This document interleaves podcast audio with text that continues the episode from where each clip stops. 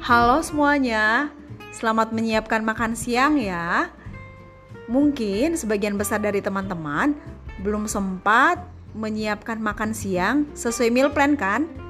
Jawabannya adalah no problem. Yang paling penting, teman-teman hari ini makannya eat clean ya. Seperti apa eat clean itu?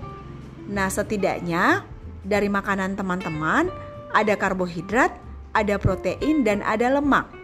Nah, teman-teman boleh memilih makan siang yang eat clean ketika teman-teman tidak sempat menyediakan sesuai meal plan. Teman-teman boleh menyiapkan karbohidratnya dari nasi merah, dari umbi-umbian, atau dari sayuran yang dibuat e, salad atau dikukus ataupun teman-teman menumisnya tapi saya sarankan gunakan minyak zaitun atau kanola sedikit saja. Karena program kita saat ini sedang berusaha bagaimana kita mengurangi lemak buruk dari uh, dari makanan sehari-hari kita. Lemak yang ada di tubuh kita yang disumbang terbanyak adalah dari makanan sehari-hari kita yang biasanya porsi lemaknya berlebih. Nah, teman-teman, karbohidratnya sudah cukup jelas kan?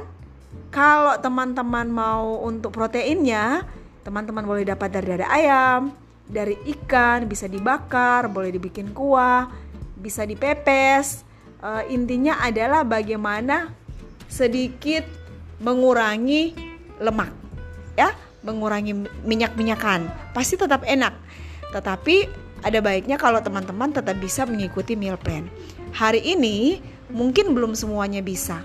Setidaknya meal plan saya sudah bagikan Teman-teman boleh menyiapkannya hari ini untuk persiapan kurang lebih 7 hari ke depan.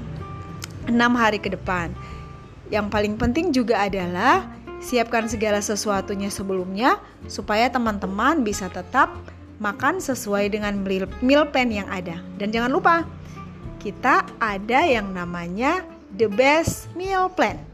Nanti di foto teman-teman akan dapat uh, hadiah sorry bukan hadiah reward seperti apa hasilnya itu juga akan melalui polling. Semangat buat semuanya.